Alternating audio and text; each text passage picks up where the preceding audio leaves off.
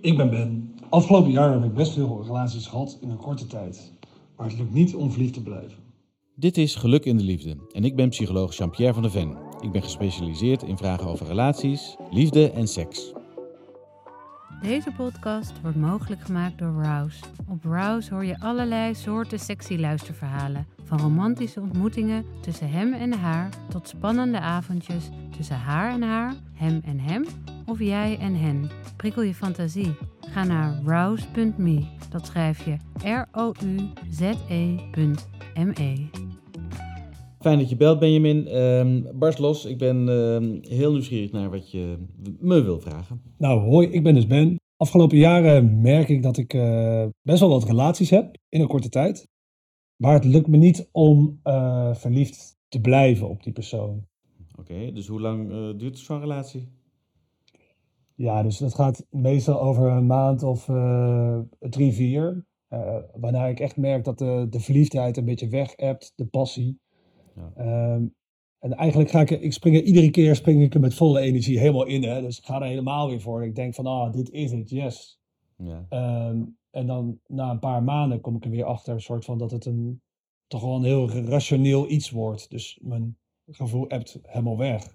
Want wat, wat gebeurt er? Je, je, je zegt, hè, het wordt een rationele beslissing. Maak je het dan uit of blijf je nog eventjes wel in die relatie? Ja, dus dan, dan wordt het een rationele beslissing. En dan blijf ik altijd nog een maand, eh, voor mijn gevoel, een maand of twee of drie maanden. En ik heb er wel eens een keer echt een jaar gebleven in zo'n rationele keus. Ja. Eh, maar uiteindelijk dan luister ik toch weer naar mijn gevoel. En mijn gevoel zegt van, ja, dit voelt gewoon niet goed. Maar het klinkt een beetje, hè, je wil graag in een relatie zitten. Je wil eh, doorgaan na die drie, vier maanden, hè, na de eerste Ja. verliefdheid. Maar dat, dat, ja. Ja. er hebt zoveel weg dat er niks meer overblijft. Nee, klopt. Dat is, dat is ook waar ik tegenaan loop. Ja. Dus eh, seksleven is gewoon waardeloos. eh, maar er is ook, ik verander ook qua persoon. En dat is gewoon ook best wel lastig dan. Zoals, ja, wanneer verander je-. Sorry, ja, wanneer verander je qua persoon? Nou, je wordt, je, doordat je minder verliefd wordt, word je dus ook eh, minder lief, minder dit, minder dat. Dus je, je gaat er ook minder om geven, om, dat, om die hele relatie. Dus dat is ook gewoon lastig. En dat merkt die andere persoon ook gewoon weer in die relatie. Ja. Dus, dus, Eh, dus het wordt moeilijker om met jou in een relatie te zijn. Eigenlijk wel, ja. Ja, ja, ja. Nou ja, dat zal ook de dynamiek tussen jullie wel eh, veranderen. Hè? Dus dat zal het moeilijker maken om eh, het gezellig te hebben, zou ik maar zeggen. Ja, ja of je, je wordt erop aangesproken, hè? dus dat is wat dan terugkomt. Dus dan, ehm, waarom spreek je je niet uit over bepaalde dingen? Waarom zeg je niet van, ben je niet wat liever? Zulke dingen komen dan naar me toe en dat gebeurt al vaker. Hè? Dus dat is niet de eerste keer, maar dat gebeurt dan iedere relatie weer. Zo'n beetje een soort van een lijn zit erin.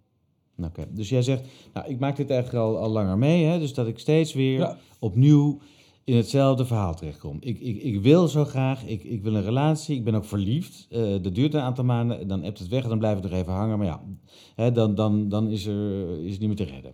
En dan ga je weer Mhm. verder, want je zegt, ik ben ook weinig eh, single geweest. Dus je- hè, je hebt wel veel relaties achter elkaar gehad, begrijp ik. Ja, want het is dan gewoon eh, alle dating apps weer installeren en dan, eh, ja, klinkt heel gek, maar dan heb je binnen een paar maanden heb je weer een aantal dates en dan daar zit er dan weer iemand tussen waarmee je doorgaat. Dus dat gaat dan ook weer heel snel.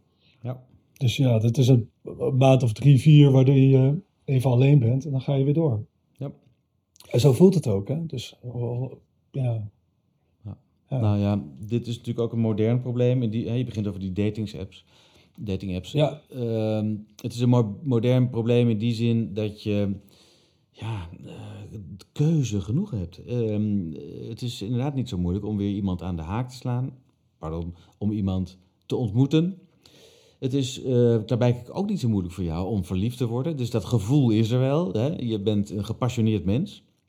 Mhm. Ehm, maar dat helpt je niet. In die zin eh, ja, dat je weet dat dat ook bij een volgende persoon wel weer naar, naar boven zal komen. De passie is niet ehm, het criterium hè, voor, voor wel of geen relatie hebben.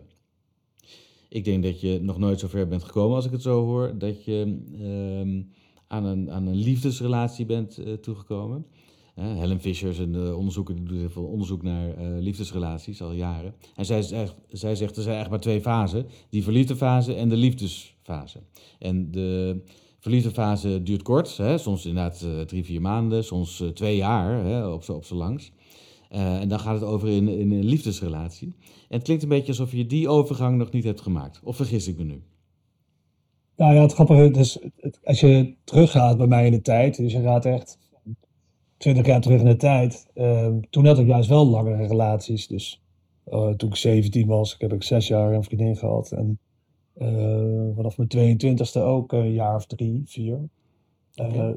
Dus eigenlijk daar gebeurde het soort van wel. Maar het lijkt wel, naarmate dat ik ouder word, of dat, dat mijn omgeving is veranderd, dat ik daar ook in een soort van mee verander. Dus dat is, ja, dus het, vandaar dat het ook een soort van een trend is van de laatste tijd. Ja. maar dat je omgeving verandert, wat, wat verandert er aan je omgeving, wat bedoel je?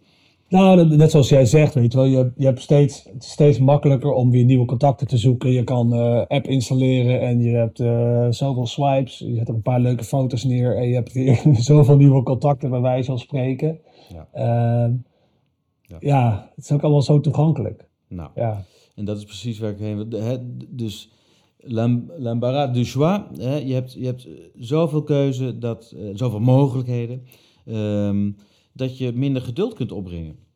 Mm. En dat, dat brengt me helemaal terug naar Nietzsche. Ik weet niet of je die nog kent. De, de oude filosoof ja, Nietzsche. Die had een liefdestheorie die er heel in het kort op neerkomt. Dat mensen verliefd worden op hun eigen uh, spiegelbeeld in feite. Dus ze willen graag uh, in de ander een ideaal uh, zien dat ze, dat ze voor zichzelf hebben vastgesteld.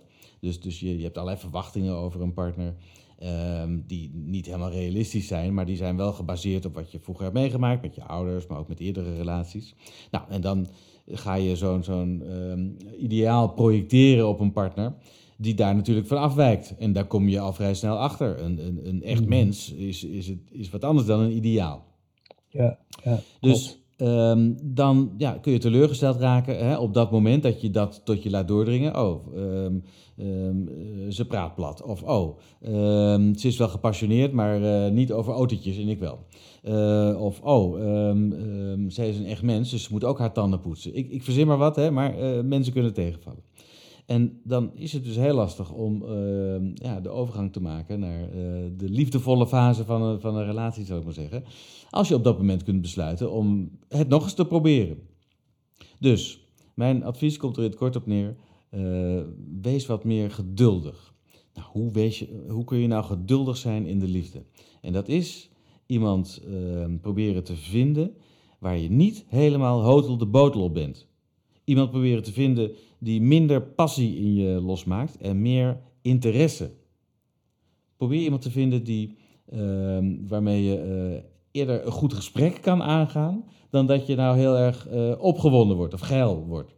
Probeer mm. iemand te vinden die, uh, die ehm, frappeert of die je voor, voor raadsel stelt. Of probeer iemand te vinden die je misschien zelfs in eerste instantie helemaal niet aantrekkelijk vindt, of uh, in seksueel opzicht of als partner, maar die toch wel iets heeft waardoor je denkt, nou laat ik nog eens uh, een vraag stellen. Hè? En probeer dan wat, wat geduld, geduld, te oefenen. Ik denk niet dat dat de relatie van je leven wordt, want ja, in een relatie heb je die twee dingen nodig, hè? interesse en liefde, mm -hmm. maar toch. ik denk dat als je jezelf oefent om wat, wat meer geduld op te brengen, dat je, die, dat je een volgende keer, als je weer verliefd wordt, wel die overgang kan maken omdat je dan kan zeggen, hé, hey, ze valt tegen. Het is niet mijn ideaalbeeld, maar ja, dat kan ik ook van niemand verwachten.